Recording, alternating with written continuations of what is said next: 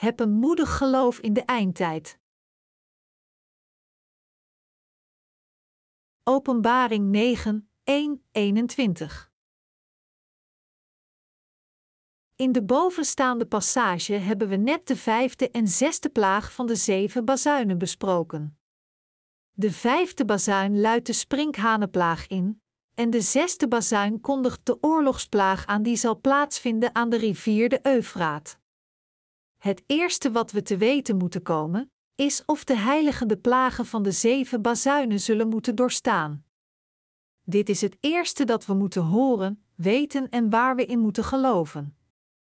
Zullen de heiligen te midden de plagen van de zeven bazuinen aangetroffen worden? Jazeker, de heiligen zullen deze plagen zeker moeten ondergaan. Een derde van de bossen van de wereld zal afbranden, een derde van de zeeën en de rivieren zal in bloed veranderen en de zon, de maan en de sterren zullen geraakt worden en een derde van hun licht verliezen. En hoewel een derde van de natuur van de hele wereld in bloed zal veranderen of licht zal verliezen, houdt dit ook in dat twee derde van de natuur zal blijven bestaan. Het woord vertelt ons dat wij, de verloste heiligen, ons te midden de eerste zes plagen zullen bevinden die een derde van de wereld zullen vernietigen. Maar we hoeven geen angst te hebben voor deze plagen, omdat God tijdens de vijfde plaag de sprinkhanen gebood slechts degene te verwonden die Gods zegel niet op het voorhoofd dragen. Hij zal de heiligen die zijn zegel dragen, verdedigen tijdens de plagen van de zeven bazuinen. Dit neemt echter niet weg dat de heiligen alle stadia van de plagen zullen moeten doorstaan. U en ik, die verlost zijn door te geloven in het evangelie van het water en de geest, zullen ons te midden de eerste plaag bevinden, die een derde van de wereld zal afbranden met behulp van het vuur dat God liet neervallen, net zoals we ons in de tweede plaag zullen bevinden, die een derde van de zeeën in bloed zal veranderen met behulp van het neerstorten van een brandende berg, als ook in de derde plaag, die een derde van de rivieren en bronnen in Alsem zal veranderen na het vallen van een grote ster uit de hemel. Wij zullen ook de vierde plaag overleven, die een derde van de zon, de maan en de sterren zal verduisteren. Ook de vijfde plaag zullen we doorstaan, wanneer sprinkhanen met schorpioenachtige kracht de mensen verwonden en wanneer de zesde plaag een wereldoorlog op gang brengt aan de rivier de Eufraat, zullen wij ook dat doorstaan. Niemand kan hieraan iets veranderen, want dit is Gods voorzienigheid die wacht om vervuld te worden. Dat wij deze zes verschrikkelijke plagen zullen overleven, is een gegeven feit van Gods woord. Onze Heer heeft u verlost van al uw zonden. Hij heeft al onze zonden weggewassen door zijn doopsel, zijn bloed aan het kruis en zijn verrijzenis uit de dood.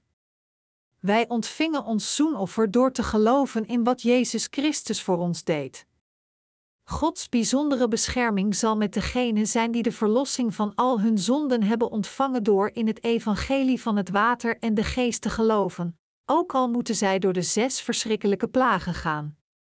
Met andere woorden, het woord vertelt ons dat Gods speciale genade ons toestaat verder te leven.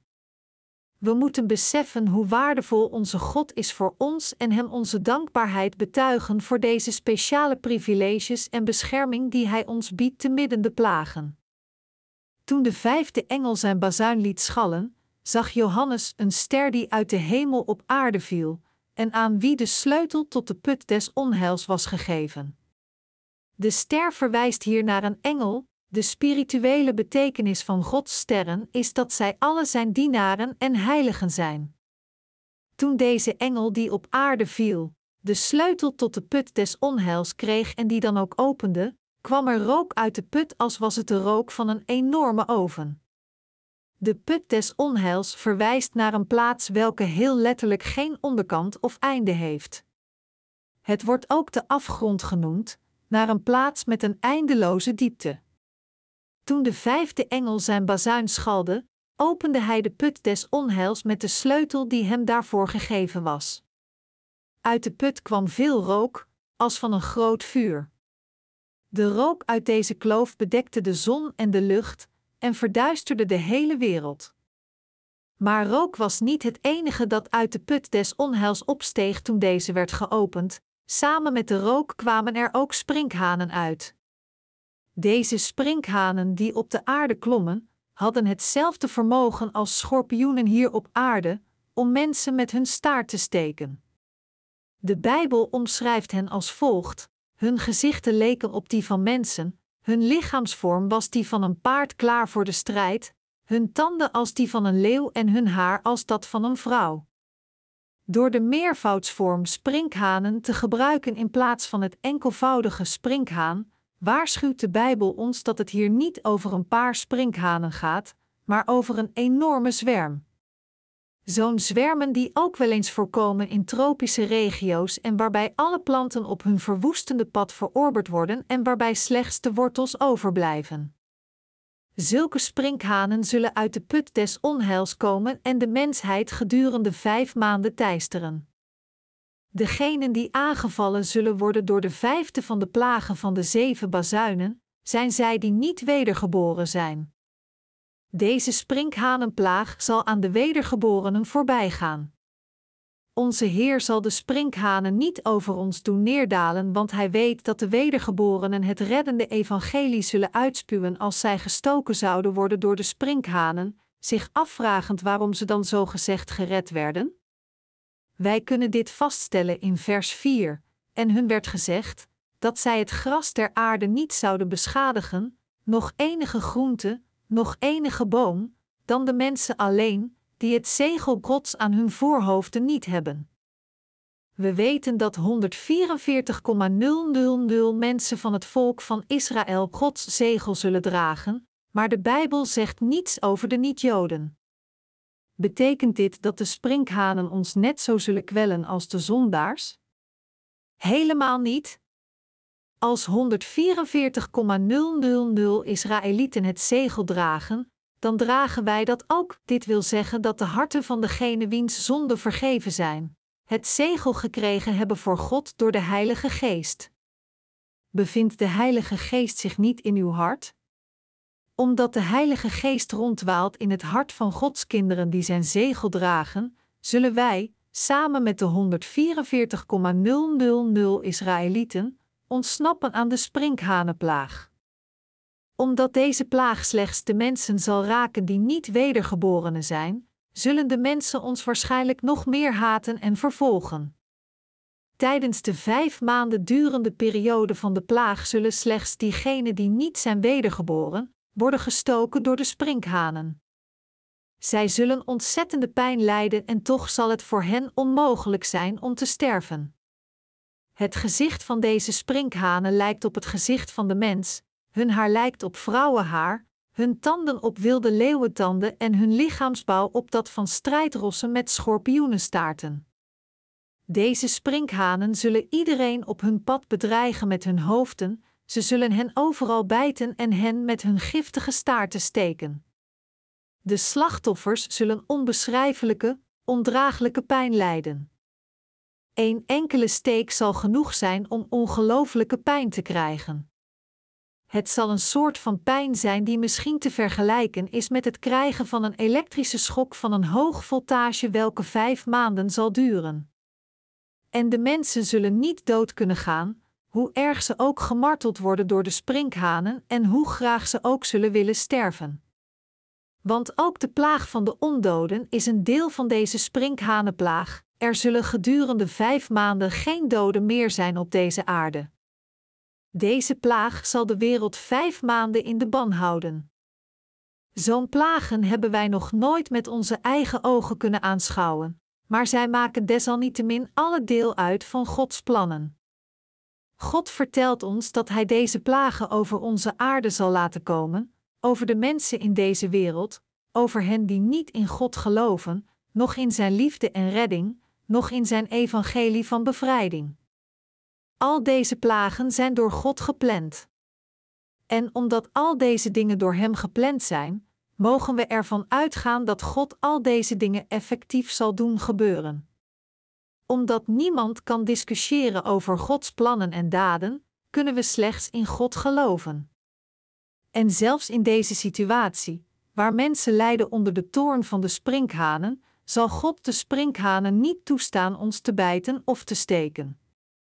Hij zal ons beschermen van deze plaag, hij zal de sprinkhanen bevelen niets te doen tegen hen die Gods zegel op het voorhoofd dragen. Waarom laat God de plagen van de zeven bazuinen toe?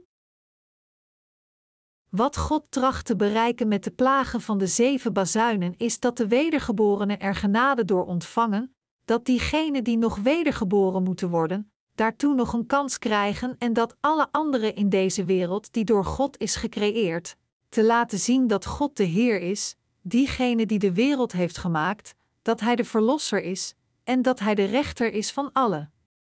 In de eerste plaats wilt God dat de rechtvaardige Gods grootheid, Zijn gratie, Zijn zegeningen en glorie eren door de zondaars onder de plagen te doen lijden en de rechtvaardigen ervan te sparen.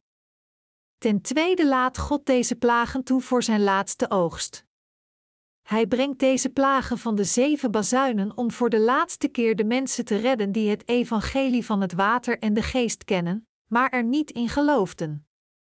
Door de verdrukking wilt God alle mensen die Hij schiep, zowel de niet-Joden als de Israëlieten, een laatste kans geven om terug te keren naar de Heer en verlost te worden.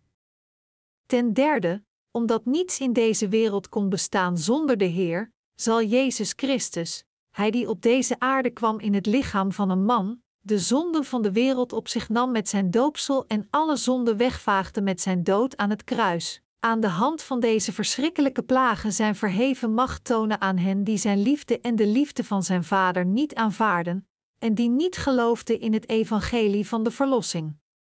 Degenen die niet wedergeboren zijn, zal hij leed brengen zowel in deze wereld als in de eeuwige verdoemenis van de hel in het hiernamaals. God brengt de plagen met zulke doelen en plannen naar deze wereld. We moeten dit weten en echt geloven dat deze plagen werkelijk zullen plaatsvinden. En hoewel we voornamelijk gespaard zullen blijven van de sprinkhanenplaag, mogen we niet vergeten dat we desalniettemin al deze plagen zullen moeten doorstaan. De plaag van het vuur, welke een derde van de natuur en de wouden van de wereld zal afbranden, de plaag van het water, die een derde van de zee in bloed en een derde van de rivieren en bronnen in alsem zal veranderen, de plaag van de duisternis die de zon, de maan en de sterren zal verduisteren en de plaag van de oorlog die de wereld zal vernietigen, we zullen ons te midden al deze plagen bevinden. Maar we moeten ondertussen ook goed beseffen dat we steeds meer vervuld zullen raken van een groeiende vreugde, alhoewel we ons deze plagen moeten doorstaan. We zullen alle interesses in het aardse bestaan verliezen door de plagen van de zeven trompetten. Laten we even veronderstellen dat er overal rondom vulkanen aan het uitbarsten zijn, aardbevingen de grond opensplijten, bergen in rook opgaan en een derde van de zee, de rivieren en bronnen in bloed en alsem veranderen. Stof, rook en as bedekken de hele wereld. De zon komt op rond een uur of tien s ochtends en gaat onder om vier uur in de namiddag. We kunnen de maan en de sterren niet meer zien omdat ze geen licht meer geven. Zou u graag een aards bestaan leiden in zo'n wereld? Natuurlijk niet. Dit is waarom de heiligen slechts naar God zullen opkijken en op dit moment enkel en alleen hopen op zijn koninkrijk. Al onze hoop kan voor 100% bij God gevonden worden. We zouden helemaal geen interesse meer hebben om op deze aarde leven, nog zouden we hier kunnen leven, ook al hadden we alle rijkdom om duizend jaar op deze wereld te verblijven. Omdat al deze plagen door God gepland en toegestaan zijn, kan niemand ze stoppen. En omdat God al deze plagen heeft gepland, zal Hij ze toestaan. Maar waarom zijn deze door God geplande plagen opgenomen in de Bijbel? Waarom heeft God Johannes verheven in de hemel? Waarom heeft Hij hem alle plagen die gebeuren zouden na het schallen van de bazuinen laten horen en zien? En waarom heeft Hij hem alles wat hij hoorde en zag laten neerschrijven? Door te tonen wat er met deze wereld ging gebeuren, zullen de heiligen hun hoop slechts vestigen op Gods koninkrijk, het evangelie preken op deze aarde en iedereen in Jezus Christus doen geloven. God heeft al deze dingen gepland en toegestaan opdat de mensen door deze plagen tweemaal zouden nadenken en niet zouden moeten lijden in het meel van vuur en zwavel in de hel. Met andere woorden, God heeft hen een ontsnapping voor de plagen aangereikt. En omdat God niet wil dat iemand in de hel terechtkomt, wilt Hij dat de harten van de zondaars terug tot Hem komen door hen te confronteren met de plagen. Ik geloof dat het wordt neergeschreven en aan ons getoond werd zodat iedereen de hemel in kon worden geleid. Gods plagen zijn er niet alleen om ons leed te berokkenen. Hij brengt deze plagen naar de wereld en naar ons zodat we onze hoop in Zijn koninkrijk zouden vestigen en niet in deze aarde. Het is ook belangrijk dat we weten dat Hij al deze dingen toelaat, opdat wij Zijn reddende liefde zouden preken aan de ontelbare verloren zielen die verdoemd zijn eeuwig in het hellevuur te blijven. Dit in de hoop dat zij ook mogen geloven in het verlossende woord, dat zij gered mogen worden en ontsnappen aan deze verdrukking. Sommige soorten meerval zijn bekend onder meer omwille van de pijn die ze kunnen veroorzaken met hun stekels. Als u niet voorzichtig bent wanneer u deze vis hanteert, kunt u gestoken worden door de giftige vinnen en zal u verschrikkelijke pijn hebben, alsof u een elektrische schok kreeg. Deze pijn is bijna niets vergeleken met de pijn die veroorzaakt wordt door de steken van de sprinkhanen. Nu stelt u zich eens voor vijf maanden lang zo'n pijn te hebben. Het zal de vreselijkste pijn zijn die u zich kunt voorstellen, en zelfs als de mensen liever zouden sterven dan deze foltering te moeten ondergaan, zullen zij zich niet van het leven kunnen beroven. Zij zullen zichzelf niet kunnen doden, want het woord zegt ons: zij zullen wensen te sterven, en de dood zal van hen wegvluchten. Maar omdat wij Gods kinderen zijn geworden door te geloven in het evangelie van het water en de geest, en omdat daardoor de Heilige Geest zich in elk van ons bevindt, zal God ons van deze plaag beschermen. Zo zullen wij niet lijden onder de pijn die gebracht wordt door de sprinkhanen. Ook op het ergste moment van zo'n plaag zijn wij beschermd omdat wij verlost zijn van onze zonde door te geloven in het evangelie van het water en de geest. Het boek der Openbaringen heeft niet alleen als doel ons angst in te boezemen, maar door het woord van de openbaring moeten ons realiseren hoe God ons die speciale bescherming tegen de plagen zal geven, hoe Hij door ons verheerlijkt kan worden en hoe wij op onze beurt door Zijn glorie gekleed kunnen worden. Met deze kennis kunnen we moediger zijn, het evangelie meer preken en God meer verheerlijken wanneer de tijd van de verdrukking komt. Dus moeten we zonder angst in ons hart leven in dit tijdperk en zonder enige hebzucht voor onze aardse levens. God leert ons deze dingen allemaal in vooruit zodat we de moed zouden hebben. Daarom moeten we het moedige geloof bezitten. God deelt de zeven plagen in twee categorieën: de eerste vier catastrofes en de laatste drie rampspoeden. Hij verklaart dat de laatste categorie veel verschrikkelijker en vreselijker zal zijn dan de eerste. Na de vijfde plaag zegt hij nadrukkelijk: Het ene wee is weggegaan, ziet, er komen nog twee weeën na deze. De tweede rampspoed is de plaag van de zesde bazuin, zeggende tot den zesde engel, die de bazuin had, ontbindt de vier engelen, die gebonden zijn bij de grote rivier, den Eufraat. En de vier engelen zijn ontbonden geworden, welke bereid waren tegen de uren, en dag, en maand, en jaar, opdat zij het derde deel der mensen zouden doden. In vers 16 staat het volgende geschreven: En het getal van de herlegers der ruiterij was tweemaal tienduizenden der tienduizenden. Dit toont aan dat er een enorme oorlog zal uitbreken en dat een derde van de mensheid hierdoor zal worden uitgeroeid. Met andere woorden, God zal een afgrijselijke oorlogsplaag naar deze aarde brengen. In versen 17 en 18 staat: En ik zag alzo de paarden in dit gezicht, en die daarop zaten, hebben de vurige, en hemelsblauwe, en zilververvige borstwapenen, en de hoofden der paarden waren als hoofden van leeuwen, en uit hun monden ging vuur, en rook, en zilver.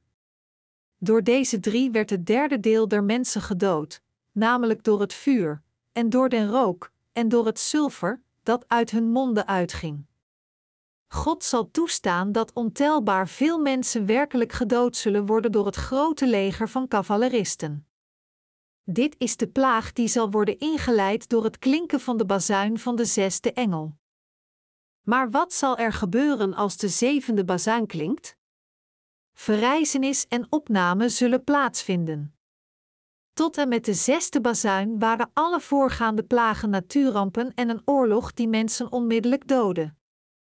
Ik geloof in deze woorden omdat al het voorgaande ingesloten zit in de plagen van de zeven bazuinen die worden verhaald in de Bijbel. Maar wat denkt u? Gelooft u ook in deze waarheid? Bent u ook verlost van uw zonden door te geloven in het evangelie van het water en de geest? Maar opdat u zou ontsnappen aan het leed van de eeuwige plaag en opdat u nooit een voet in de hel zou moeten zetten, moet u nu geloven in het evangelie van het water en de geest. Dit evangelie werd u gegeven door God om al uw zonden weg te wassen, u de grote verdrukking te ontzien en u zijn koninkrijk, de nieuwe hemel en aarde te geven. U moet vertrouwen hebben en in dit evangelie geloven. U moet dit evangelie kennen en erin geloven. Er is geen andere weg naar de hemel dan door uw geloof in dit evangelie van het water en de geest. Jezus vertelde Petrus: En aan u geef ik de sleutels van het hemels koninkrijk.